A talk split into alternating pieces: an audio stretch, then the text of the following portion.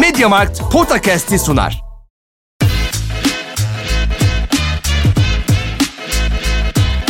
Potakast.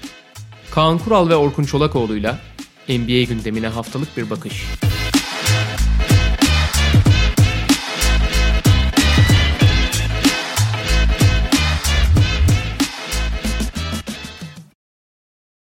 Merhaba Mediamarkt'ın sunduğu podcast'te hoş geldiniz. Kaan Kural'la birlikteyiz. Bugün de gündemimiz yoğun Kaan abi. Yani yine konuları böyle zor içinden ayıkladığımız takımların içerisinden birkaç tanesini zor seçtiğimiz bir hafta oldu. Abi zaten o kadar ilginç bir sezon başlangıcı gibi yani hakikaten konuşacak çok takım var. Sadece bir iki takım için abi şu anda hani konuşacak fazla bir şey yok dediğimiz sadece 3-4 takım var yani. Öyle ve şöyle bir durum var yani kendimden örnek vereyim. Her sezon başında bu herkes için geçerlidir diye tahmin ediyorum. Klasik şey olur ya o ilk gece maçları oynanmadan hatta ilk çarşamba yani ben NBA'in esas başlangıcını o ilk çarşamba olarak görüyorum. Salı değil çünkü salı malum iki maç oynanır. Çarşamba hurra bir sürü maç falan. O daha cümbüş olur. O ilk çarşambadan önce bakarsın böyle şeye, fikstüre ya da işte takımlara. Ulan bunu da izlerim, ulan şunu da çok merak ediyorum. Bunu da çok merak ediyorum. Aa şu da çok iyi bilmem ne falan diye. 30 takımın böyle 25'ini falan çok merak ettiğini düşündüğünü zannedersin.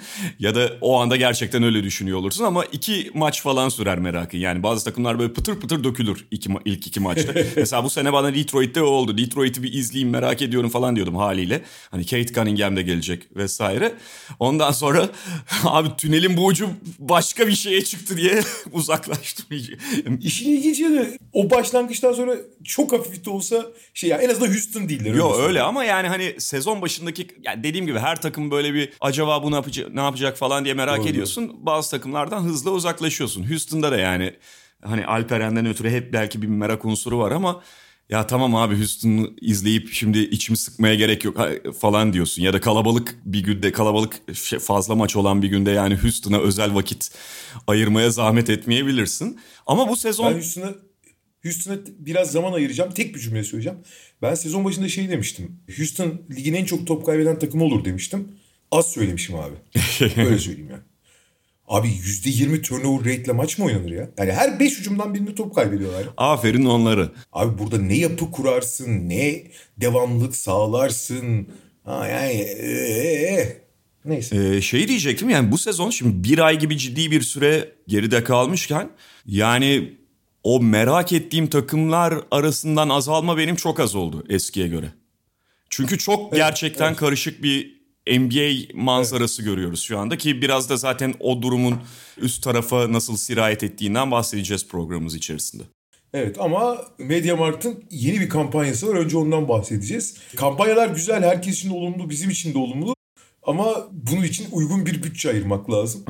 ama ben şahsen şey diyorum abi yani Nisan'ı biliyorsun hani sonuçta sürekli bir tüketim alışkanlığına insan zaman zaman şey yapıyor. Set çekmesi gerekiyor da Hani her şey o kadar hızlı pahalanıyor ki abi kampanya falan varken fırsat varken tabii ki herkesin kendi bütçesine bağlı bir şey ama ne ihtiyacınız varsa alın Ben daha yeni abi Mediamarkt'ta dolaşırken çok iyi bir monitör buldum. Hı hı. Nisan falan değil kendime biraz monitör yani ki hani direkt ihtiyacım çok fazla var mıydı biraz tartışma konusu. Hani onu geliştirmek istiyorum çünkü çift monitörle çalışıyorum ya. Hı hı. Bir tanesini de işte yani 4K monitör olsun istiyordum. Bir tarafından oyun oynarken bir taraftan maç seyrederken falan. Hani acelesi yoktu ama acele ettim abi ve işte Mediamarkt'ta da şimdi şahane cuma fırsatları tabii bu Kasım ayında çok cuma kampanyaları yapıyor pek çok şirket. Mediamarkt da çok harika kampanya yapmış. Ben aldım bir tane abi. 28 Kasım'da son günüymüş hemen belirteyim. Evet. Burada sponsorumuzun mesajı da son gün 28 Kasım. Bu sefer cidden yani hani altını çizerek söylüyorum. Eğer bütçeniz varsa, eğer niyetiniz varsa bunu ertelemek hiç iyi fikir olmayabilir yani. Ee, aynen öyle abi yani bir çeşit yatırım şeyi. Aynen aynen. Gerçekten yatırım öyle. ya. Peki geçelim abi konularımıza o zaman. Geçelim abi. Doğu Konferansı ile dilersen başlayalım. Yani e, daha doğrusu genel Doğu olarak bu tepedeki karmaşadan bahsedeceğiz. Bütün ligdeki karmaşayla ilgili konuştuk az önce. Ama yani şampiyonluk adayları arasında ya da işte şampiyonluk adayı diye telaffuz edilen takımlardan sorunsuz olan galiba yok şu an itibariyle. Haklısın abi. Yani sezon başı şampiyonluk adayı diye bahsedilen en azından kağıt üzerinde olan 3 takım var gibiydi. Genel konsensus. Ki biz de büyük oranda katılıyorduk bunlara. İşte Milwaukee, Brooklyn, Lakers deniyordu ama Lakers tabii biraz hafif de LeBron etkisiyle belki de biraz abartılıyordu ama öyle deniyordu. Hani bunu biraz daha genişletirsen işte geçen seneki finalist olarak Phoenix'i, geçen sene NBA birincisi olarak Utah'ı ekleyebilirsin. Doğu'da öyle ya da böyle işte Ben Simmons bilinmesine rağmen Philadelphia'dan belki bahsedebilirsin. Bana genişletebilirsin ama hani bugün benim sorunsuz diyebileceğim en azından hani tabii ki beklentileri aşan takımlar var ama hani görece sorunsuz olanlar bunlar arasında sadece Utah ve Phoenix onların da hani şeyleri belli. Hani en üst hedefe ulaşıp ulaşamamakla ilgili eksiklikleri de çok değişmiş değil. Beni esas ilgilendiren abi sezon başı itibariyle seninle de bol bol konuştuk. Abi bu sene ilk defa yani daha 15 maçı geçtik. Yani 20 maçlara yeni yaklaş. Ya yani 20 maça gelmeden de çok net bir şey söylememek lazım aslında. Hı hı. Ama 20 maça yaklaştık. Fakat şeyi söyleyebiliriz abi artık. Bu sene belki de yıllar sonra yani bence yani Jordan ilk emekli olduğundan beri yani 98'den beri ilk defa Doğu Batı'dan iyi olabilir. Doğru. Şöyle iyi derken burada tabii küçük bir şerh düşelim. Hani tepesi iyi, ortası şey değil. Genel rekabetçilik olarak söylüyorum. Şöyle söyleyeyim hani puan cetveline baktığın zaman e, doğudaki işte mesela hani beklentilerin oldukça üzerine çıkan Miami, Chicago, Cleveland, Charlotte gibi takımlar var. Hadi onları geçiyorum ya da beklentinin altına kaldı belki Atlanta ama abi en dipte doğuda şu anda Orlando ve Detroit var abi. Detroit biraz evvel sen de bahsettin hani sezona çok ben onların çok atlet yırtıcı e, hücumda biraz bocalasalar da falan yırtıcı olacaklarını düşünüyorum. Öyle başlamadılar ama onlar şu anda biraz daha dişli bir takım haline geldi. Abi Doğu'nun en kötü takımı, tüm NBA'nin en kötü takımlarından biri olması beklenen Orlando da baya baya rekabetçi oynuyor. Ha tamam seviyeleri bir yere kadar. Ama şey değiller, patates değiller yani. Abi batıda 4-5 tane patates takım var. Doğuda resmen patates takım kalmadı yani. En azından hani kadro olarak patates olsalar bile patates gibi oynamıyorlar. Baya şey hani doğuda hiçbir maç şey olmuyor. Doğu takımların hiçbiri kolay teslim olmuyor. Yani rakibin yenmesi gerekiyor. Kendi kendi yenmiyorlar. Batıya bakıyorsun abi Houston, New Orleans, Minnesota, Sacramento, Oklahoma City. San Antonio. Hatta San Antonio. Hatta San Antonio. Bazen Memphis, bazen Lakers, bazen Portland kendi kendini yeniyorlar yani. Doğuda kendi kendini düzenli şekilde yenen takım yok. Onların da bazen yenikliyorlar ama yok. Bu çok nihayet hani NBA dinamikten işte draft ve free agents dinamiklerinin doğuyu ayağa kaldırdığı sezona geldik galiba. Öyle öyle. Yani dediğin gibi şimdi Detroit, Orlando biraz daha diğerlerinden ayrılıyor ama onların da batıdaki muadillerine göre hangi seviyede oldukları tartışılabilir. Hadi Detroit falan gerçekten çok kazma takım yani genel yetenek şeyi ama abi diğer bütün takımlar bak Toronto'yu biz yine bu defa kesin playoff yarışının dışında olur diyorduk. Yine beklentimizi aştı. Ben kademe kademe düşeceklerini düşünüyorum. Hatta şimdi bir deplasman turuna çıkıyorlar, çıkmış durumdalar. Yani şey bu haftadan itibaren o düşüşü görebiliriz ki sakatlık problemleri de yaşıyorlar. Ama Toronto da belli bir seviyenin üzerinde rekabet ortaya koyuyor zaten. Ya şu anda doğuda sondan 3. sırada bulunan Indiana Pacers mesela derecesi 6-10. Tuhaf maçlar kazanıp tuhaf maçlar kaybedebiliyor. Mesela işte dün gece yani bu sabah şey Detroit'e mağlup oldular ama en azından play-in yoluyla falan o yarışın içerisinde yine olmasını beklediğimiz bir takım. Kadrosu da ortada Abi zaten. Şöyle şöyle Indiana dedin hemen üstünde Atlanta var. Hı-hı. Abi Indiana ile Atlanta da en ağır fikstürden geçen takımlar. Yani fikstür de onları biraz buralara aşağı itti. E, tabii. Daha yukarıdaki takımlar daha sert fikstüre girince göreceğiz esas şeyin rekabetin durumunu. Bir sana çok erken bir rakam söyleyeyim. Şu ana kadar 66 maç oynandı Doğu ve Batı takımları arasında. Doğu 36-30 önde. Hı hı. İlginç yani gerçekten de. Burada tabii doğu tarafında şunu da belki söylemek gerekiyor. Bu alttaki takımları bir kenara bırakırsak daha orta sıra üst tarafta da zaten beklentimizi aşan ve bu tarafından bahsettiğimiz geçen haftalarda da konuştuğumuz özellikle iki takım var. Hani Washington'ı saymıyorum. Washington'ı zaten o herkesin beklentisini biraz aşan bir başlangıç yaptı da Miami Heat ve Chicago Bulls Evet. Yani onları tekrar bu arada geniş konuşmayacağız. Önceki iki haftada çünkü hem Miami'yi hem Chicago'yu konuşmuştuk ama Miami'nin mesela çok çarpıcı bir derecesi yok. 10'a 5, 10 galibiyet 5 yenilgi ama içinde bulundukları koşullar belli sak eksikleri, sakatlıkları ve geçtikleri fikstür düşünülünce Miami bence 10'a 5 derecesini gösterdiğinden, işaret ettiğinden çok daha iyi durumda. Yani mesela geçen hafta bir Utah deplasmanı kazandılar. Acayip bir gövde gösterisiydi bana göre. Zaten kaybettikleri hemen hemen bütün maçlarda da rekabetçi kalmayı başardılar çeşitli olumsuzluklara rağmen. Chicago Bulls da ben söylüyorum yani bizim beklentilerimizi aştı. Bu sabah kaybettiler. 20 sayıdan verdiler Portland'da ama yani onların da geçtiği fikstür hiç e, öyle kolay bir fikstür değildi. Ve ifade ettik yani biz bu takımın bir şekilde bir başarı elde edecekse işte playoff'a kalacaksa falan hücum tarafıyla bunu sağlamasını bekliyorduk. Tam aksine şu anda çok üst düzey perimetre savunmasıyla başarılı oluyor Chicago Bulls. Ve evet abi beni zaten bu sezon en şaşırtan en hani tabii ki takımların belli potansiyelleri var, belli beklentiler var ama hani en beklemediğim gelişme olsa gerek o Chicago'nun bu perimetre savunması, temelli savunmasıyla Hı-hı. çok büyük fark yaptı. Ha burada şeyi de söyleyelim hani gerek Zach Lavine, gerek DeMar DeRozan, gerek Lonzo Ball kariyerlerinin zirvesini oynuyorlar. Evet.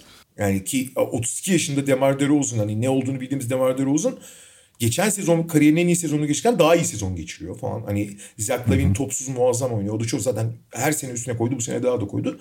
Abi Lonzo Ball da Stephen Curry gibi şut atıyor abi. Yani bir taraftan. Tamam Hı-hı. geçen sene geliştirmiş de böyle bu kadar da değildi yani. Ama bunu işte yani hadi bunlar beklenmedik ama bir miktar olabilecek en uçta da olsa olabilecek gelişmelerdi. Hücum anlamındaki bu paylaşım falan.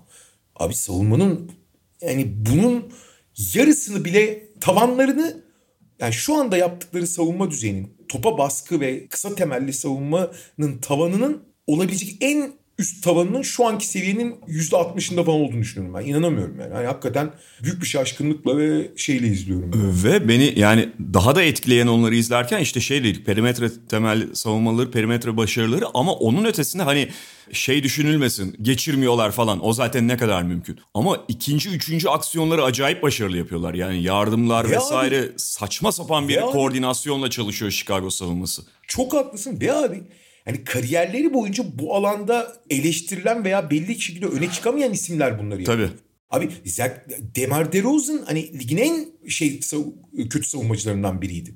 Abi o da rotasyon kaçırmıyor. O da her yere sokuyor. Ezek Lavin tamam biraz geliştirmişti ama eksi savunmacı. O da öyle. İşte Lonzo mesela iyi birebircidir ama o da yardım savunmasına çok dalar giderdi. Gerçi New Orleans'la da alakalı olabilir. Abi hepsi öyle yani. Zaten hani yan parçalar daha mücadeleci oyuncuları Caruso'yu falan söylemiyorum ama hani bu tip perimetre temelli savunma yapıyorsan ve gerçekten iyi bir çember savunucun yoksa hı hı. ki yok yani. Hani Tony Bradley o oyuncu değil yani. Abi bu olağanüstü bir koordinasyondan geçer. Hani bunu bu kadar kısa sürede yeni kurulmuş bir kadroyla sağlamanın imkansızlığını geçtim. Doğal, doğası gereği böyle hadi Caruso'yu falan bir kenara bırakıyorum ama bütün parçalarının doğası böyle olması gerekir ki koordinasyon ve dikkat temelli olması gerekir ki yapabilesin. Bunların kariyerlerinde yok böyle bir şey yani bu oyuncuların. Öyle. Çok acayip. Yani şaşkın ve ta- takdirle izliyoruz. Peki yani biraz bu genel hani iki konferansın görüntüsünden bahsettik ve son bir şey Tabii söyleyeyim ki. abi. Doğu'nun rekabetçiliği ile ilgili. Abi Doğu birincisiyle sonuncusunu alt, yani 15 takımı 6,5 maç ayırıyor. Hı hı. Bak Orlando ile Washington'ı. Daha da var yani Doğu birincisiyle play-in dışını yani sezonu kapa bugün sezon bitse sezonu kapatacak olan, play'inin bile dışında kalacak olan ki Milwaukee'nin orada olması bence çok şey anlatıyor şu anda 11. sırada olması. Birinci ile 11. arasında 3,5 maç ayırıyor abi. Bir haftada ilk 11 sıra değişik. Yani tabii ki daha maç sayısı sınırlı ama hani birinci ile 11. arasında o 3,5 maç olmaz abi 15 maçın sonunda evet, yani. Evet enteresan. Süper Lig falan gibi bir yer öyleydi tablo. Fransa Lig 1 şey, öyleydi. E, bu sezon La Liga öyle abi. Yani ona benzedi biraz. Peki Doğu'dan başlamışken istersen Doğu takımlarıyla devam edelim. Charlotte'ı ilk olarak konuşacağız. Ya ligin en anlaması ve tahmin etmesi zor evet. takımlarından biri Charlotte. Bu sabah yine kazandılar ve 4 maçlık bir galibiyet serisi olmuş oldu ama devam öncesinde de 5 maç yenilgi vardı seri olarak. Evet. Ondan önce de daha iyiydiler. Bu arada bu 4 maç galibiyet serisi içinde e, Golden State'i normal sürede yenen tek takım oldular. Evet. Golden State'in iki yenilgisi var. Bir de uzatmadaydı. Ya Charlotte'la ilgili şöyle ilginç yani daha doğrusu öngörülmesi ya da okunması zor bir durum var. Charlotte abi çok büyük adrenalinden, heyecandan tetiklenerek oynadığı için maç içlerinde çok acayip iniş çıkışları olabiliyor. Ve iyi oldukları zaman yani herkesin o akıcılık üzerinden oynadığında göründük, görüntüleri harikayken diğer türlü çok kötü. O yüzden çoğu zaman kendi kalitelerinden veya işte medyan dediğimiz yani ortalama performanslarını ölçmek çok kolay olmuyor. Fakat burada Lamelo Ball'un Lamelo Ball bence bu takımı çok iyi anlatıyor abi. Yani Lamelo Ball'un geçen senenin üstüne koyduğu kesin ama Lamelo Ball'un iyi veya kötü şut atacağını hiçbir zaman bilemiyorsun ve bu şut tercihleriyle rakipte de çok bağımlı olmuyor. Yani genelde aynı şutları aynı zorluk derecesinde atıyor. Şut seçmeyi henüz çok çok bilmese de e, bazen evet daha çok ama bazen acayip atarken bazen kötü atabiliyor ve bu onun işte açık sahadaki olağanüstü yetenekleri topu yani tempoyu çok artırması çok yararlı olduğu gibi zaman zaman işin e, şov tarafına, işin eğlence tarafına fazla kapılması bunu hatalarla bezeyebiliyor. Hı hı. Ve ana karar verici olması olduğu için de çok belirleyici. Burada kritik nokta Gordon Hayward'ın Lamelo Ball'u veya takımın genel o heyecanını dengeleyecek unsur olarak yeterince devreye gireme, giremedi bence. Yani çok belki de gerek mi yoktu ya da hani takım yavaş yavaş mı oturuyor ama bu takımın heyecanını kanalize etmeyi öğrenmesi lazım. Ve bu çok kolay değil. Ve burada işte Lamelo Ball özelinde seçmeyi öğrenmek çok önemli abi. Yani bu heyecanı kaybetmeden seçmeyi öğrenebiliyor musun? Başta Lamelo Ball sonra takımını öğrenmesi lazım. Burada da kritik nokta şu abi. Şimdi PJ Washington'ın eksikliği çok önemli bence onlar Çünkü onların kısa beş oynamasını engelliyor ve Mason Plumlee'ye falan muhtaç kalıyorlar. Mason Plumlee de tamam sağlam mağlam falan ama abi savunmada yani gerçekten birebir de falan çok saçma. Dün Daniel Gafford All-Star oldu Mason Plumlee sayesinde. Aynen. Aynen. Ya hadi, hadi bu, bu maç biraz belki ekstrem olabilir. Çünkü Plumlee o kadar da kötü değil aslında ama abi o da yani hiç güvenebileceğin bir isim değil çok hata yapmaya yatkın ve her hata hani Charlotte öyle takım ki sürekli hatalar yapıp acayip iyi şeyler yaptığı için bir denge bulamıyorsun. Bir devamlık sağlayamıyorsun. Hı-hı. Patlamalarla oynuyor. E, en azından senin savun yani pivotun belli bir şey verebiliyor olsa, direnç verebiliyor olsa e, savunmayı biraz dengeler ve o iniş çıkışların inişlerini yumuşatırsan çıkışların gene aynı kalır zaten. Plumlee buna izin vermiyor. PJ Washington ona izin veriyordu işte. Hani belki kısa kalıyordun biraz falan ama çok daha aktif olabiliyordun. Beş dışarıda oynayabiliyordun falan. Burada önemli olan mesela şey abi Miles Bridges evet sezona harika girdi falan. Fakat abi Miles Bridges'ın potansiyelini yeterince kullanamıyor Charlotte. Çünkü Miles Bridges gerçekten bu arada kendisi de farkında değil. Miles Bridges gerçekten süper yıldız yeteneklerine sahip bir oyuncu. Yani hiçbir eksiği yok abi oyuncu olarak. Hı hı. Teknik anlamda konuşuyorum. Ama bir tane yani daha doğrusu fiziki anlamda hiçbir eksiği yok. Fundamental, fizik vesaire. Fakat abi çok önemli bir zihinsel eksikliği var ve asıl problem orada zaten. Ne kadar iyi bir oyuncu olduğunun farkında değil Miles Bridges. Ve ne kadar oyunu domine etmesi gerektiğini var. Abi sağıyla solla bitiriyor, pası var, driblingi, top hakimiyetini çok geliştirdi, temastan kaçınmıyor, atletizmi falan söylememe gerek yok, iyi şutör. Abi inanılmaz komple bir oyuncu adam. Fakat hiyerarşide ne takım ne kendisi onu belli bir yere koyamamış. Zaten Charlotte'ın en büyük sorunu da seçme dediğim şey bu. Hiyerarşi belli değil abi takımda. Yani Kelly Oubre gelip 37 sayı attığı maç oluyor. Atsın helal olsun. Yani hiçbir şey denemiyorsun ki Kelly, Kelly Oubre mesela seçmek derken Kelly Oubre'ye ezbere bir şey yaptırırsan verimli olursun. Kelly Oubre düşünmek zorunda kalırsa yandık yani. yani düşünmeden oynadın ama süper. Ama abi ne zaman Kelly Oubre'yi ne zaman Miles Bridges'ı yani hiyerarşi belli olmadan da saldım çayıra mevlam kayıra durumu oluyor bazen. Bakıyorsun abi Miles Bridges işte 5 dakikada 10 sayı atmış. Sürekli ona gitmişler. E tamam abi güzel. E sonra niye ona gitmiyorsun? Niye o onu da bu hiyerarşide belirlemiyorsun? Bayağı bir doğaçlama üzerinden oynuyorlar. Bu onlara takım kimliğinden dolayı olumlu şeyler katsa da Abi bir üst seviyeye çıkmak için bu hiyerarşinin belirlenmesi, bu heyecanı kaybetmeden bir seçmeyi öğrenmeleri lazım. Başta Lamelo olmak üzere. Çok güzel tarif ettin abi. Yani dün gece ben de işte bu Washington maçını izlerken Charlotte'ın mesela tam bunları düşünmüştüm. Yani acayip böyle içgüdüsel doğaçlama ve Lamelo Ball'da işte haliyle sonuçta bir takım genelde oyun yönlendiricisi, oyun kurucusunda vücut bulur ama tam olarak Lamelo Ball'da vücut bulan bir şey oynuyorlar. Yani zaman zaman çok heyecan verici, çok spektaküler, dalga dalga rakibin üstüne de çökebiliyor ama abi kontrol etmeyi de hiç bilmiyorlar. Kontrol etmeyi, seçmeyi, iş, hani fırtına atlatmak tabiri vardır ya sporda. Gerektiğinde onu yapabilmeyi falan terse de sürüklenebiliyorlar o yüzden. Yani dün mesela çok iyi olmayan bir Washington takımına karşı hayli kötü bir ilk devre oynamışlardı. Sonra ikinci yarıda döndüler ama mesele rakip de kötüyken o ilk devre gibi şeyleri, anları, devreleri işte maçları çıkarabilmek. Kendinde çok akıcılık sağlayamamışken. O, o konuda gidecekleri çok yol var. Yani işte biraz Lamelo Ball'un belki olgunlaşmasıyla olacak. Bilemiyorum. O bir kere şart. Yani tabii ki o tip oyuncuların doğaçlamasını çok da sınırlamak istemiyorsun. Hele bu kadar gençken. Hani kendini tanımlaması hatalarına biraz göz yumması ne oluyor. Fakat yani bu bir doğal süreç. Yani onu biraz kabul edin. Abi Gordon Hayward'ın biraz daha dengeleyici evet. olması lazım. Çünkü orada akil adam o. Yani ve işte ben mesela Borrego'ya da çok suç bulamıyorum abi. Yani gerçekten çok bunu kanalize etmek hiç kolay değil yani. Gerçekten kolay değil. Hani öyle ya da böyle Lamelo'nun büyümesi lazım. Bu, bu arada harika yani çok üst düzey benim beklediğimin de üzerine çıktı. Ben geçen sezon sezondan sonra bu sezon bir adım daha atmasıyla ilgili soru işaretlerim vardı ama 60 gözüküyor. Ama Lamelo'dan başlaması lazım her şeyin. En azından belli bir ölçüde. Ama Gordon Hayward'ın da abi burada biraz akil adam gibi oynaması lazım. Yani işte takım bir parçası gibi değil. Takımın biraz generali olması lazım abi. Ki Hayward genelde yapardı. Bu sezon niye bu kadar ikinci planda? O biraz şey ne bileyim şaşırdım ve şey beklemiyordum yani Gordon Hayward'ın bu kadar çekingen resesif oynamasını yani. Biraz herhalde Lamelo'nun gelişimiyle de alakalı yani takım içerisinde bir durum. Biraz daha iyiden iyi direksiyonu Lamelo'ya vermeye başladılar en azından abi, sahada olduğu bölümde.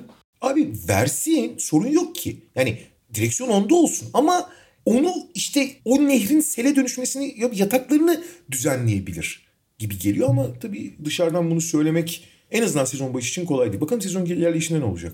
E, doğu'da bir diğer takımımız New York Knicks. Onlar da...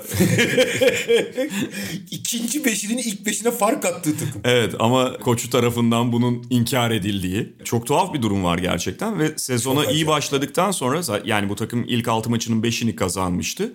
Ancak sonrasında sadece 3 maç kazanırken 6 yenilgi aldılar takip eden 9 maçlık periyotta ve yani dediğin gibi ikinci 5 sürekli şey kapatmaya çalışıyor. Geriye düşen takımı ortak etmeye, işte fark kapatmaya falan çalışıyor. Her maçta hemen hemen bu durumu tekrar tekrar görüyoruz. Yani bu problem zaten Thibodeau'ya da soruluyor. Thibodeau belki farkında belki değil illaki farkındadır ama basın önünde bunu konuşmak istemiyor. Ama acaba bir dengeleme yapacak mı 2-5 arasında falan. Yani çok parlak bir görüntü yok e, New York Knicks'te. Kazandıkları son maçlara da baktığımızda zaten mesela Indiana'yı yendiler geçen gün evlerinde. Onu da geriden gelerek, o da geriden gelerek kazandıkları bir maç. Çift tanelerden geldiler ikinci yarıda ve Yine ikinci beş zar zor getirdi bir şekilde bitirdiler. Ee, evet evet yani şey Indiana'nın da gerçekten hücumda çok kötü bir günüydü. 84 sayıda kaldılar. Evet ikinci beşin o savunma etkinliği önemliydi Indiana'yı tutmalarında ama yine de yani başka bir günde o maçı kazanamayabilirlerdi. E, ondan önce zaten eksik Philadelphia'yı yendiler mesela 103-96 falan. Yani çok etkileyici galibiyetleri de yok bu sezon. Bir tane Chicago maçını hatırlıyorum ben. Dolayısıyla bir şeylerin yolunda gitmediği ortada. Bu takımın yaz transferlerinden sonra geçen sezonla kıyaslarsak eğer hücumda ileri gidip savunmada da belli bir düşüş yaşayabileceği ortadaydı. Ama yani hücumun öne gitmesi, savunmanın gerilemesi falan bundan ziyade ki hücumda ne kadar ilerledi aslında tartışılır. Daha çok savunmanın gerilemesi e, söz konusu. Hücumun potansiyeli daha çok arttı. Ve bunun yanında hakikaten ilk 5 ikinci 5 arasında acayip bir dengesizlik var. Yaklaşım dengesizliği de var. Yani ilk 5'in o hücumculardan ağırlıklı olarak kurulu ilk 5'in savunmada fazla boş vermişlik gösterdiği de biraz gözüküyor sanki Knicks'te. Abi yaklaşım farklılığı dedin Aha. ya. Bence en önemlisi o. Şimdi abi geçen sene New York sezonun beklentiler ölçeğindeki en başarılı 2-3 takımından biriydi değil mi? Yani bunda hani kimse hayır diyemez. Tabii ki. Doğu'yu birinci, Doğu'yu dördüncü bitirdi abi adamlar beklentiler ölçeğinde. Ve bu takımın yani bu çekirdeğin en azından çok ciddi bir tamam e, Kemba Walker ve Evan Fournier transferleri oldu. ilk beşe yerleştiler ama böyle bir süper yıldız transferi olmadığına göre bu takımın başarı reçetesi ve bu ana çekirdeğin sırrı neydi abi? İki tane nokta vardı bence. Birincisi, geçen sene için konuşuyorum. Birincisi inanılmaz iştahlı, inanılmaz mücadeleci, savunmada ekstra çabalı, tribünden, takım içindeki enerjiden acayip beslenen çok iştahlı bir takım olmaları. Ve playoff konsantrasyonunda oynamalarıydı her maçı, her dakikayı neredeyse. Thibodeau'ya da çok uygun bir şey bu. Yani oyuncuları belki bazen çok daha zorlasa da. İkincisi de abi Julius Randle'ın kariyerinde ilk defa çok verimli ve hani çok hak edilmiş bir All-Star ve All-NBA oyuncusu olmasıydı. Değil mi? Hı hı. Yani Şimdi abi bu iki faktörde de ciddi kan kaybı var. Sen savunmanın geçen sene savunma ya 3 ya 4 bitirmişti emin değilim NBA'de savunma verimi. Evet. Şu anda 24.'cüler abi. Yani şimdi 3'ten 24'e inmek için yani personeldeki değişimle açıklayamazsın bunu abi. Yani bu şey bu iştahı, bu eforu, bu koordinasyonu kaybetmişler demektir. Yani tamam Kemba Walker zayıf bir savunmacı vesaire. Emufoni o kadar zayıf değil. Ama hani belki alıştıklarından belki bir adım geri atıyor ama önemli değil. Bu, bunu personel değişimiyle açıklayamazsın. Bu al, yaklaşım değişmiş yani. yani orası kesin. Sen bu arada Cleaning the Glass istatistiğine mi bakıyorsun abi? Evet Ha, abi. tamam çünkü şey NBA.com'da 19 ama e, seninki yani ondan bahsetmiştik geçmiş podcastlerde. Daha sağlıklı çünkü Şöyle- garbage time'ı devre dışı bırakıyor. Şöyle abi 3 gün önce falan bakmıştım hani son iki maç günde, güncellenmemiştir ya da belki maçta eksiktir. Ama 19 diyelim yani hani şey değil. Hani Cleaning the Glass'daki farklılık da çok önemli değil. Önemli olan şey yani tepe yani ilk yüzde şey ilk 5'ten son 10'a düşmüş onlar. Evet, geçen sene de 4'müş. Ben de bir taraftan onu kontrol ettim. Yani benimki dediğim gibi NBA.com gerçi ama Çok da önemli zaten çok az fark ediyor şey maç sayısı arttıkça. Belki şu anda biraz daha fark ediyor. Neyse. Burada bir yaklaşım sorunu oldu kesin. Ve bu bu çok e, e, benim en çok endişelendiğim şey oydu New York'ta. Yani şimdi Kemba Walk yani daha hücumu zenginleştireceği zeki şarttı abi. Hücumları felç oluyordu çünkü. Tamamen Derrick Rose'un falan eline kalıyorlardı. Playoff'ta falan da gördük zaten. Bunu zenginleşmek şarttı ama bu iş daha kaybetmeden. Nitekim abi ikinci beşin bu kadar iyi gözükmesini sebebi ikinci beşte bu yaklaşım yok zaten abi. İkinci beşte geçen seneki çekirdeğin tamamı olduğu için işte Emmanuel Quickly gerçi o sezona çok kötü girmişti şimdi biraz toparlıyor ama Emmanuel Quickly, Derrick Rose, şey Alec Burks, Noel veya Mitchell Robinson'dan hangisi yedekten geliyorsa Taj Gibson vesaire ve bir, bir oyuncuyu dışarıda bırakıyorum çünkü onu ayrı konuşacağız. O iştahı, o enerjiyi, o çabayı gösteriyorlar ve acayip zaten bir savunma enerjisi koyuyorlar ortaya. Tabii ki onlar oyuna girdiği zaman rakibin de yedekleri olduğu için biraz daha işleri kolay şimdi. Onu da kabul etmek lazım ama ne olursa olsun. O enerjiden besleniyorlar. Bir de ikinci faktör abi. Abi şimdi Julius Randle geçen sene hakikaten çok özel bir yere çıktı. Ama ben geçen sene de söylüyordum. Bunun hiç... Şimdi oyuncular sıçrama yaparlar ve başka bir seviyeye çıkabilirler. Fakat bu oyuncunun yeteneklerini geliştirmesi ve kendini yeni zihinsel ve fiziksel e, teknik, e, teknik yeteneklerini geliştirmesiyle yeni bir seviyeye çıktı mı yoksa çok formda çok iyi bir dönem geçirdiği mi? Yani formda olmakla gelişmek aynı şeyler değildir abi. Sürdürülebilirlik açısından. Ben Randall'ın geçen seneki yaptığı çıkışın tamamen boş olduğunu asla söylemiyorum. Tabii ki önemli şey yaptı. Ama abi ben Randall'ın geçen seneki çıktığı çizgiyi korumasının çok zor olduğunu düşünüyordum şahsen. Nitekim playoff'ta gördük ki geçen senenin sonunda kendi kendini sorgulamaya başladığı zaman kendi kendine çok ayak bağı olan bir oyuncu olduğunu, en azından o zihinsel devrimi yaşayamadığını görmüştüm. Nitekim bu sene de aynı şey yaşanıyor abi. İşler kötü gitmeye başladığı zaman Randall kendi kendine ayak bağı olmaya devam ediyor. Şimdi Randall böyle olduğu zaman da zaten oyunu çözebilen çok fazla oyuncu yok. Kemba Walker sezona çok iyi girmişti ama dizleri ağrımaya başladı. Dizleri ağrımaya başladıktan sonra Kemba Walker'ın hücumda getirdiği artılar azaldıkça savunmada getirdiği eksiler çok daha ön plana çıkıyor. O ikisinin yaratıcılığı olmadığı zaman Evan Fournier'in ki hani Evan Fournier kendine pozisyon yaratabilen bir oyuncu değil. O da düşüyor. Ve esas beni sezon başında işleri iyi giderken de en çok endişelendiren demeyeceğim ama hani dikkatimi çeken konu R.J. Barrett'ın takımda henüz rolünü bulamamış gibi gözükmesi. Ki R.J. Barrett bence onların onlar için esas arkasına geçmeleri gereken oyuncu. Çünkü R.J. Barrett her sene üstüne koyarak gidiyordu.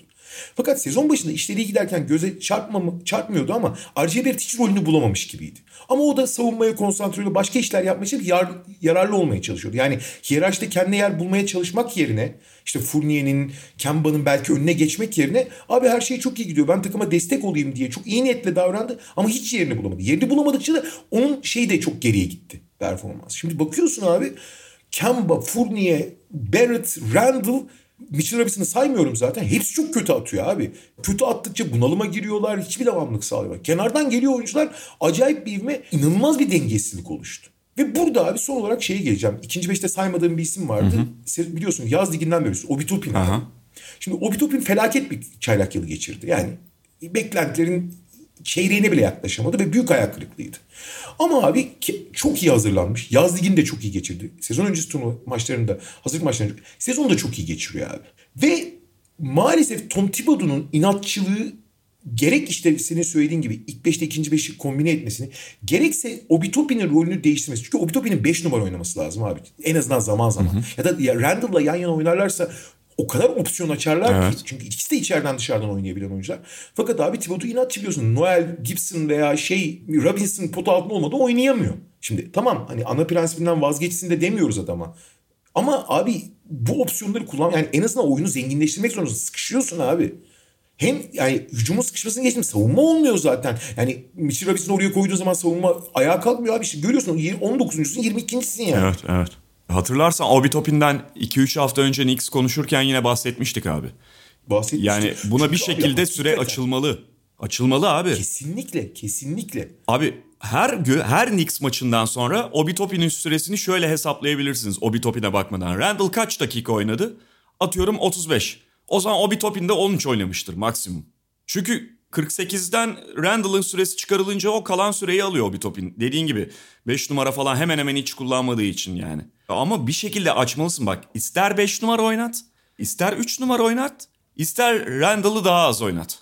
Ama Obi Toppin'in getirdiği enerji falan ve Randall'ın şu andaki verimsizliğiyle birlikte özellikle buna buna ihtiyacı var Knicks'in. Ciddi problem o ve gerçekten o konuda çok inatçı davranıyor. Ya başka bir konu mesela az önce geçen sezonla offensive rating, defensive rating kıyaslamasından bahsetmiştik.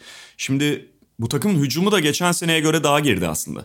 Yani evet. saf şeye baktığında, ratinge baktığında sadece 30 takım arasında sıralaması geçen sezona göre biraz daha yüksek. Çünkü yani malum o hücum savunma istatistikleri çok değişti.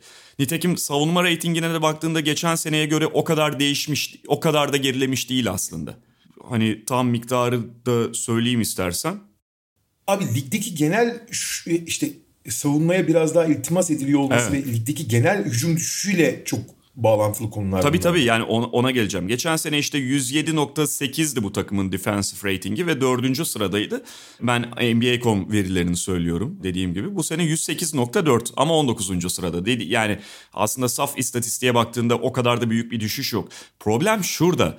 Dediğin gibi savunma, perimetre savunması özellikle çok daha kelepçelerinden arınmış şekildeyken bu sene. İşte biraz önce konuştuğumuz Chicago falan bundan bir güç devşirmişken, başka kimlikler edinmişken Knicks bu sıçramayı yapamadığı gibi geriye gitti.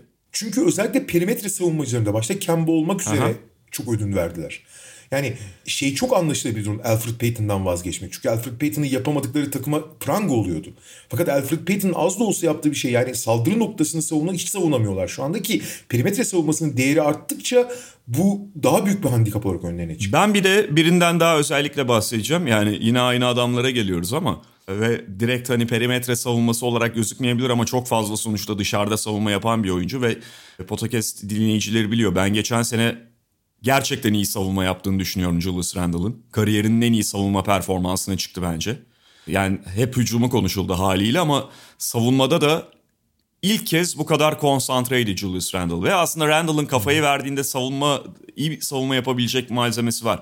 Yani biz onun hep kollarının kısalığından falan bahsettik. 5 numara oynarsa eğer pota altı oynarsa bu tabii ki bir handikap ama 4 numara oynuyorsa ve dışarıyı savunuyorsa falan onu gayet kotarabilecek ayak çabukluğuna falan sahip Julius Randle kafayı verdiğinde. Randle yine o New Orleans Lakers o dönem Randle'ına dönüştü abi. Böyle bir umursamaz uyuma halleri, kolay geçilmeler falan onlar da çok tehlikeli. Kendi kafasına giriyor abi. Kendi kafasına. Ve mesela bu sabahki Orlando maçındaki istatistiği hani kötü oynuyor bu dönem. E, kötü dönemler olabilir. Farklı şekillerde konuşabiliriz falan ama esas Randall'la ilgili can sıkıcı olan dün mesela 11'de 4 attı. 10 tanesi üçlük. Bu ne abi? Facia. Ve abi şimdi savunmanın düşünden bahsediyoruz. Abi şimdi ikinci beş giriyor ve oyunu değiştiriyor diyorsun. Obitopi'nin devrilmelerini falan ya. Obitopi'nin durumu ayrı konu. Abi gene hücumu abi Derrick Rose kurtar bizi babaya evet. dönmüş durumda. Abi şimdi bu da olmaz ki ya. Tamam Derrick Rose ıı, üçüncü, ikinci bağrını, üçüncü bağrını yaşıyor ve hakikaten verim veriyor. Ama abi yani Derrick Rose kurtar biziyle olmaz bu iş yani. Olmaz. Yani o zaman daha küçük hedeflere yürümek zorundasın yani. Öyle yani ilk beşte de Kemba Walker, Julius Randle kurtar bizi oluyor. Ve Randall bu psikolojideyken Aha. Kemba'nın dizleri ağrımaya başlamışken kurtaramıyorlar. Aynen. işte sorun orada. Ve Fournier falan mesela şey oldu. Çöktü. Çünkü üretim olmayınca Fournier kendi üretemediği için hani hazırlananı üret bitirir. Üretemez abi Fournier. Aynen öyle. Thibodeau hocamıza seslenmiş olalım buradan. Biz buradan mesaj mesajları verelim. Sen son olarak şeyi söyle. Belki hani her zaman tekrar ediyorsun ama biraz şut çalışsınlar idmanda. Yani Abi çalışsınlar diyeceğim de bir taraftan da bu takım fazla şutuna aşık hale gelmiyor. Ama da, ya çalışmaları lazım. Hep bütün takımları bu önerimiz, tavsiyemiz, telkinimiz geçerli. Şut çalışın arkadaşlar. Bak lig genelinde şut şeyleri çok indi. Koca yaz ne yaptınız? Orkun yıllardır bunun altını çiziyor. Şimdi konferans atlayalım abi. Şöyle bir geçiş yapalım. Az önce genel tabloya bakarken şampiyonluk adaylarının hepsinin öyle ya da böyle problemli oluşundan ve hiçbir takımın şampiyonluk için net olarak öne çıkmamasından bahsetmiştik NBA'de. Bu sezonun en dikkat çekici trendlerinden ya da işte e, durumlarından biri bu NBA'de. Ve bununla birlikte abi yani bu durumu düşününce ben Lakers'ın yaptığı Russell Westbrook takasının hani ilk anda düşündüğünden de daha salakça bir şey olduğunu e, düşünmeye, buna inanmaya başladım. Hele ki biz tabii Türkiye'de daha doğrusu sırf Türkiye'de değil Türkiye'de biraz daha fazla ama dünya genelinde herhangi bir karar değerlendirilirken artları eksileriyle değerlendiriliyor Hı-hı. ki hani bu çok normal. Hani çok lan bundan daha basit bir şey mi var? İşte olumlu taraflar olumsuz tarafları değerlendiriyor. Fakat abi modern analizlerde çok basit bir şeyi mutlaka işin içine katman gerektiğini ve onun üzerinden konuşman gerektiğini unutmam. Fırsat maliyeti diye bir şey var abi. Hı-hı. Yani sen o kararı verirken başka bir karardan vazgeçti, vazgeçtiğin için kazandıkların ve kaybettiklerini de hesaplamalısın. Yani sadece o kararın değil, o kararı seçtiğin için vazgeçtiklerinin de bir maliyeti var. Ve esas büyük yani Russell Westbrook'la ilgili problemler yani ana analiz proları ve konularıyla büyük problem olduğu gibi fırsat maliyeti daha da büyük. Bu zaten özellikle NBA'de fırsat maliyetini değerlendirmeden hiçbir şeyi analiz edemez, yorumlayamazsınız ya da eğer bunu yapıyorsanız fırsat maliyetini göz ardı ediyorsanız tamamen ıskalıyorsunuz bir şeyleri demek. NBA çünkü tamamen bunun üzerine kurulu bir sistem. Yani şöyle geçen haftanın biliyorsun NBA'deki NBA kamuoyu gündemindeki en önemli konularından biriydi. Sen Russell Westbrook'u alırken dolaylı olarak Alex Caruso'dan vazgeçiyorsun. Lüks evet. vergisi Ve... katlanmasın artık iyice diye. Ya da işte Taylor Horton Tucker'la Alex Caruso hep birlikte anılıyordu biliyorsun. İkisinden birini seçmek durumunda kaldı. Ama esasında Horton Tucker değil abi orada olay. Esasında Westbrook'la ekstra bir kontrat yükü alman ve bunun senin maaş yükünü şişirmesi, lüks vergisine dayanman, onu lüks vergisinin katlanması. Bu yüzden Caruso'dan vazgeçmek durumunda kalman ya da düşük ücret önermen. Ve Russell Westbrook yerine ne kadar gerçekçiydi bilmiyorum ama pek çok kişiye göre olma ihtimali çok yüksekti. Demar DeRozan veya şeyi alabiliyordu. Buddy Hield veya Demar DeRozan. Hatta Demar DeRozan geçen hafta şey dedi. Lakers işi bitti gibi görüyordum evet, dedi. Evet, Yani Demar DeRozan veya Buddy Hield'dan vazgeç. Yani Buddy Hield veya Demar DeRozan masadayken Russell Westbrook'u seçtin bir de. Aynen yani Buddy Hield zaten çok barizdi. Hani son anda son anda döndüler. O bir spekülasyon şey bile değil. Demar DeRozan da dediğin, dediğin gibi kendi açıkladı zaten. Fakat abi ben yani şu anki NBA'ye bakınca evet burada diğer takımların yaşadığı problemlerin çok payı var. Yani Clippers'ta Kawhi Leonard işte Denver'da Jamal Murray sakatlığı. Şimdi üzerine Michael Porter Jr. E, Brooklyn'in yaşadığı Kyrie Irving krizi ve genel olarak gerilemesi e, vesaire vesaire. Abi bıraktım Buddy Hield'ı falan. Bu takım geçen sezonki kadrosunun üzerine sadece böyle işte şu anki o Malik Monk gibi bir iki tane minimum hamlesi yapsa şu anda şampiyonluğun gerçekten en büyük açık ara en büyük adayı olurdu. Bak çok ciddi söylüyorum bunu. Hani geçen sene ilk turda elenen bir takım için bu nasıl söylenebilir diye düşünenler olabilir. İlk turda elenirken Lakers'ın bir sürü sakatlıkla özellikle Davis'in sakatlığıyla çok gerilediğini unutmamak gerekiyor. Ve yani şu anki NBA tablosuna baktığında Lakers o elindeki kadroyu koruyabilse ya şu değişen kurallarla birlikte acayip bir savunma takımı olurdu Lakers. Ve Davis'i de artık 5 numara oynamaya ikna olmuşken hani düşündüğümüzde birazdan ona da geleceğiz. Çok büyük fırsat kaçırdıklarını düşünüyorum ve yani fırsat kaçırmanın yanı sıra hani favori açık, açık favori olma fırsatını kaçırmanın yanı sıra şu anda favoriliği geçtin Lakers için ciddi bir playoff'a girebilecek mi şüphesi var bence. Ya ben senin kadar açık favori noktasına kadar gitmem ama şey favori olurdu. Ona katılıyorum ben. Şey yani. olarak söylüyorum ben yani her şeyin bugünkü haliyle kalması durumda. Kyrie Irving'in durmaması, doğru, doğru. Denver'da e, gelmemesi, Denver'da Clippers'ta Leonard'ın, Murray'nin falan dönmemesi halinde diyorum ben. Ya şey yani LeBron'un sağlığı falan gibi bir takım çekincelerim olduğu için ben diyemiyorum yani. Ha tabii o da var. Ama yani çok büyük oranda senin kadar yüksek not, notlamasam da yüksek fiyatlamasam da katılıyorum ben de yani hani söylediklerime. Tabii bir de şey var abi şimdi geldiğimiz noktaya bakıyorsun. Abi harika bir sezon geçiriyor değil mi Carmelo Anthony genel itibariyle? Evet ondan yani beklediklerin maçta, e, ölçüsünde tabii. ne bekleyebileceğini biliyorsan ve, eğer öyle.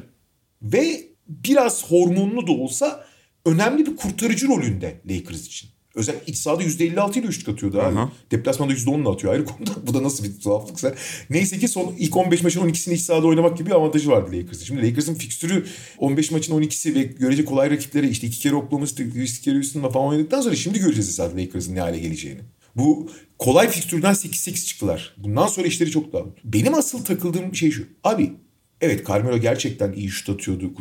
Abi Carmelo Anthony kurtarıcı dediğim gibi biraz abartılarak biraz hormonlanarak söylense de biraz evvel dediğim gibi yani New York'un kurtarıcısı ve abi bizi kurtar dediği oyuncu Derrick Rose'ken ki Derrick Rose'u ben daha üst seviyeye koyarım net bir şekilde Carmelo'dan.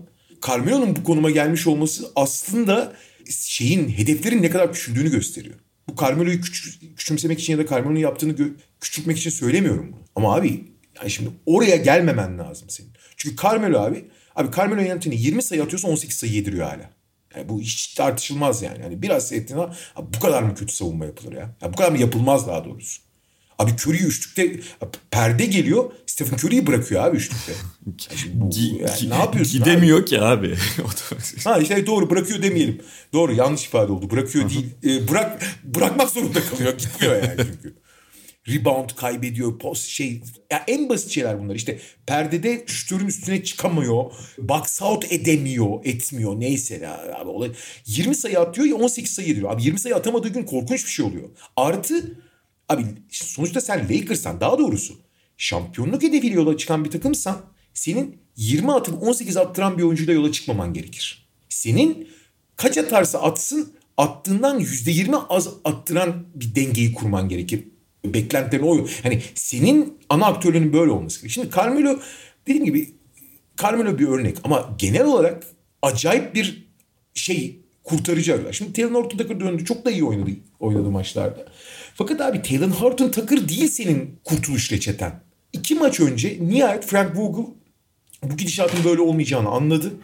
Ve çok köklü bir değişiklik yaptı. Sezon başından beri işte DeAndre Jordan ilk 5 başlıyor. Sonra işte Dwight Howard giriyor. Anthony Davis de maç içinde 10, 12, 15 kaç dakika önce 5 numara oynuyordu. Abi bu iş böyle olmayacak dedi. Yani hani DeAndre Jordan'ın bench'ten kalkmaması lazım abi. Yani yok öyle bir şey. Yok öyle bir dünya yani. Adam geçen sene Brooklyn o kadar uzun ihtiyacı varken Brooklyn'de örümcek bağlamıştı yani. Hani ne yapıyorsun abi? Hani bu sene de kendini yeniden tanımlamış falan hiçbir şey yapmıyor yani. Yapamıyor da daha doğrusu. E Dwight Howard maalesef o Lakers'daki son bir önceki sezonundaki gibi değil. O da çok gerilemiş durumda. En azından form olarak çok geride. Ve ki hani bunu size söylemeye gerek yok ama yani Lakers'ı özel kılan Davis'in 5 numara oynaması. Fakat bu da şöyle bir sorun yaratıyor abi. Özellikle LeBron'un olmadığı bir senaryoda Davis'i 5 numara oynattığın zaman abi Davis şey çok hanım evladı abi. Yani zaten niye istemiyor? Öyle boğuşmayı falan zaten sevmiyor biliyoruz. Hani şey yapmayı. Abi şey oluyor yıpranıyor ve sevmiyor o yıpranmayı Davis. Davis şey tatlı tatlı oynamayı seviyor.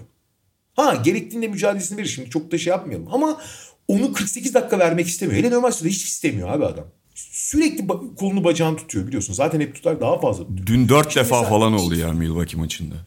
Abi bu devrimi ilk şeyde yaptılar. Bu arada sezon başından beri Kent Bazemore'da ilk 5 başlıyordu. Çünkü biliyorsun şu anda sakatlıklardan dolayı ellerinde iki taraflı oynayabilen tek Bazemore var. Ya, ya atıcılar ya tutucular yani ya hücumcular ya savunmacılar gibi ayrılmışlardı. Aha. İki taraflı oynayan Bazemore. Ama Bazemore'un da ha, tamam iki taraflı oynuyor ama ikisi de çok kötü oynadı. Yani çok zayıf olduğu için ikisini de tam beceremiyor yani aslında. Bazemore'dan da vazgeçtiler. Horton Tucker da döndüğü için hani öyle bir lüksleri de oldu. Davis 5 numara olacak. Horton Tucker ilk 5'e gelecek. Abi Bazemore'la şey DeAndre Jordan hiç ilk 5 başlayan iki adam oynamamaya başladı yani. Hani bu kadar köklü bir değişiklik ihtiyacı hissedildi ve doğru teşhislerdi bunlar. Şimdi LeBron gelince esas bakmak lazım. İşte Ariza'da gelince vesaire. Ama şimdi e, Spurs maçında inanılmaz bir yani bu ilk değişimin olduğu yerde olağanüstü bir Anthony Davis izledik. Pirtle'ın da olmamasından da çok faydalandı tabii ama paramparça etti. Yani 5 numara oynadığı zaman Davis'in nasıl büyük farklar yaratabildiğini gördük. Ki yani yeni bir şey de değil, bilmediğimiz bir hikaye de değil bu. E Horton Tucker'la vesaire işte Monk giriyor belli bir şu tehdidi falan yaratıyorsun. Abi işte hani teorik olarak Lakers'ın neler yapabileceğini görüyor. Fakat burada bu kadar oyuncudan bahsettim abi. Spurs maçında. Daha sonra Bulls'a yenildiler falan ama işte çünkü Davis o Spurs maçında gösterdiği enerjiyi gösteremedi Bulls maçında. Aha. Dün Milwaukee'ye karşı Yanis abi öldürdü ya Davis'i. öldürdü yani. Çünkü Davis onunla boğuşmak istemiyor abi. En azından normal sezonda istemiyor. İstemiyor. Bir, bir oranda da bir oranda haklı buluyorum abi ben de. Yani çok eleştirsem de Davis'i bir oranda haklı buluyorum yani. Gerek yok yani ona. Ay şöyle bir pardon abi sen Ha çok son olarak şunu söyleyeceğim. Abi özellikle Spurs maçı ya bu değişimin olduğu ve Lakers'ın görece eldeki malzemeyi optimize edebileceği bir yapıya kavuştuğu maç Spurs maçı. Sonra iki maçı kaybetmiş olsaydı. Burada kritik nokta ne abi? İşte Anthony Davis dedim. Taylor Norton Tucker dedim. Carmelo'nun rolü biraz geriledi. işte Bazemore. Abi Westbrook Spurs maçında tamamen ikinci plandaydı. Yani çok belli yerlerde tempo sürüklemek ve belli şeyleri yapmak dışında ana aktör olmamıştı. Abi Russell Westbrook'un artık ana aktör olmaması gerektiğini artık herkesin anlaması lazım yani. Dünkü Davis'le ilgili bir şey söyleyeceğim abi. Yani dediğin gibi Yanis ezdi, domine etti ve Davis yani hiç oynamak istemiyordu aslında o şeyi. Fakat abi şöyle bir problem de var işte. Yani Davis şey bir karakter. Bunu sezon başında Chicago'yu konuşurken mesela Chicago ile ilgili şüphelerimizi sezon başı da değil transfer döneminde o özel podcast'te şeyden bahsetmiştik. Yani Lonzo Ball mesela iyi bir savunmacıdır ama etrafındakilerin düştüğünü görünce o da takılmaz çok. Motor sürekli çalışmaz diyorduk. Davis'in zaten sezon şey kariyerinin başından beri en büyük meselelerinden biri motoru. Davis sürekli olarak böyle aynı konsantrasyonla etrafında olup bitenden bağımsız olarak aynı özveriyi, aynı arzuyu gösteren bir oyuncu değil. Davis yanında Carmelo Anthony'yi gördüğü anda ulan biz mi kurtaracağız savunmayı psikolojisine girer. Özellikle LeBron'da sağ Aynen. kenarında şeyse sivil kıyafetteyse. Girer yani. Davis'in hayatı böyle geçti. Ulan Carmelo adam sürekli geçiriyor ben mi onun sürekli rotasyonuna gireceğim ben mi yardımına gireceğim der. Ön tarafta Westbrook vızır vızır adam geçiriyor. Malik Monk adam geçiriyor bilmem ne. Davis de serer. Şu anda Lakers'ta görüldüğü gibi. Yani Lakers'ın zaten işte aynı yere dönüyorum. Kaçırdığı fırsat burada. Caruso'ları, Kentavius Caldwell-Pop'ları, Kyle Kuzma'ları bıraktın. Yani bunların hepsi iyi savunmacılar. E bunları bıraktın. Bunlar Davis'i çok iyi tamamlıyorlardı. Davis zaten onları tamamlıyordu. Davis'i nihayet 5 numara kullanmaya başlamışsın falan. Ve acayip bugünün NBA'inde şu 2021-22 sezonunda bu perimetre kurallarıyla falan acayip bir savunma takımı olabilecekken bu fırsatı kaçırdı Lakers. Ve mesela işte yani kadro mühendisliğine dair felaket şeyler var. Biraz önce Taylor Norton Tucker dedin abi. Çocuk döndüğünden beri süper oynuyor aslında. Süper oynuyor. Yani muhtemelen şu anki şu 3 maçlık seviyesinde de kalamayacağı ortada. 23 sayı ortalamayla falan oynuyor. Ama hani zaten takım ona bir rol veriyor. Vermek de zorunda. Çünkü takımın fizikli oyuncularından biri. iki yönlü oynayabilecek oyuncularından biri. Hem fi- hem fizikli hem fizikle oynuyor. Aynen e, ve iki yönlü yani savunma yapabilen falan oyuncularından biri. Problem şu abi. LeBron döndü diyelim yarın. İşte Boston maçında dönmesi bekleniyor. Her ne zaman dönerse. LeBron'un döndüğü senaryoya bir bakalım abi. Taylor Norton Tucker bu takımın en iyi oyuncularından biri olduğunu gösterdi değil mi? Bugünkü kadroda. E Westbrook, Taylor Norton Tucker, LeBron James, Anthony Davis bir de 4 5. bir oyuncu. Bu mu yani? Bu, bu beşle nasıl sahayı açacaksın? Kim kime sahayı açacak? Beşinci oyuncu kim olacak mesela? Bunları sah- bunlara alan açsın diye Carmelo Anthony mi olacak? Wayne Ellington mu olacak? Kim olacak? Bu saçma sapan bir kadro kurulumu. Yani Milwaukee maçını mesela çok iyi oynadı Westbrook. Gerçekten sezonun belki de en iyi maçlarından birini oynadı. Ama şey değil. Formül o değil. Onu görüyorsun yani. Yok değil abi yani Westbrook evet sezonun kendi adına en iyi maçlarından birini oynadı. En iyi maça bakalım abi. 16'da 7 ve ilk yarıda 3 top kaybı mesela. Yani Westbrook'un artık tavanı da bu. Eğer bu takım bu, bu tip şey bir takımdayız. Westbrook sezon içinde kendini toparlayan türde bir oyuncu ama şey değil. Yani e, mühendisliğe uymuyor Westbrook abi. Öyle abi Westbrook zaten... Le, pro... Sen dedin ya biraz evvel sen 5'i saydın. Abi Westbrook LeBron'un olmadığı senaryoda bunları. LeBron'un olduğu senaryoda hakikaten ne yapacak? Yani biz bu adama ne rol vereceğiz? Şeyinin sorusunun cevabı yok denici yok abi o sorunun cevabı. Öyle. LeBron sahada olduğu sürece. Öyle öyle yani gerçekten tarihi seviyede kerizce bir takas. Artık Rob Pelinka'ya mı ihale edilir bu Rich Paul, LeBron James mi? Gerçekten bilmiyorum çünkü kimin isteğiyle yapıldığını. Valla ben açıkçası Rich Paul, LeBron bunu onaylamadan bunu tetiklediler mi yani zorladılar mı bilmiyorum ama onaylamadan olacağına inanmıyorum. Tabii ki ama yani mesela onaylama ayrı, direkt masaya getirme ayrı. Çünkü NBA'de olur. Yani Russell Westbrook dirsek temasına girer LeBron'la. LeBron Pelinka'nın önüne getirir. Bu da olabilir. Sorun şu ki ben Rob Pelinka'nın genel profiline baktığımda hani bu şekilde düşünmeyecek bir GM olduğunu zannetmiyorum. Rob Pelinka tam böyle ya biz star alırız falan kafasında bir adam. Buddy Hield.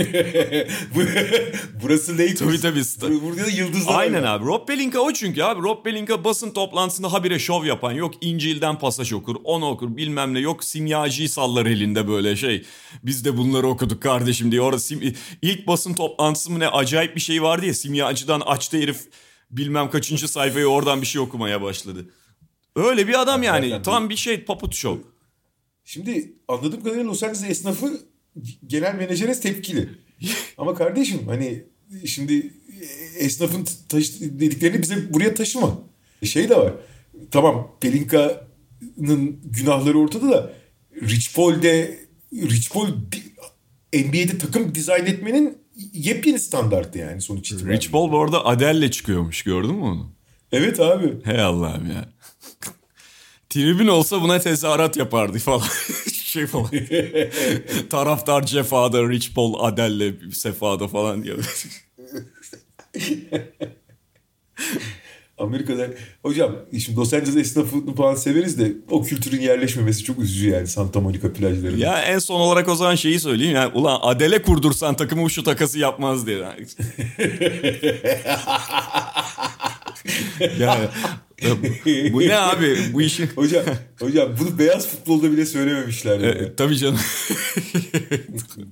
Takımı Adele kurdurun kardeşim. Adel yenge sana sesleniyor yani bu camianın çıkışı artık şey. ee, iyi Memphis istersen haftaya konuşalım abi. Konuşalım abi haftaya konuşuruz. Çok dengesiz bir takım Memphis Grizzlies. Ve bakalım o dengesizlikleri nereye gidecek. Geçen haftadan da kalan bir borcumuz vardı galiba. Bir takıma haftaya konuşuruz demiştik ya da bir konuya da şimdi unuttum abi hangi takım olduğunu. Borcumuz da çok sadık bir camia değiliz. Bakarız öderiz abi. Bir, iki hafta geriden olur, üç hafta geriden olur. Hesabı kapatır. Bizde kimse bizde kimsenin takımı kalmaz. Podcast'te kimsenin borcu Herkes kalmaz. müsteri olsun. Kim? Peki o zaman kapatıyoruz. Media Markt'ın sunduğu podcast'ten bu haftalık bu kadar. Haftaya tekrar görüşmek üzere. Hoşçakalın. Hoşçakalın. Mediamarkt Podcast'i sundu.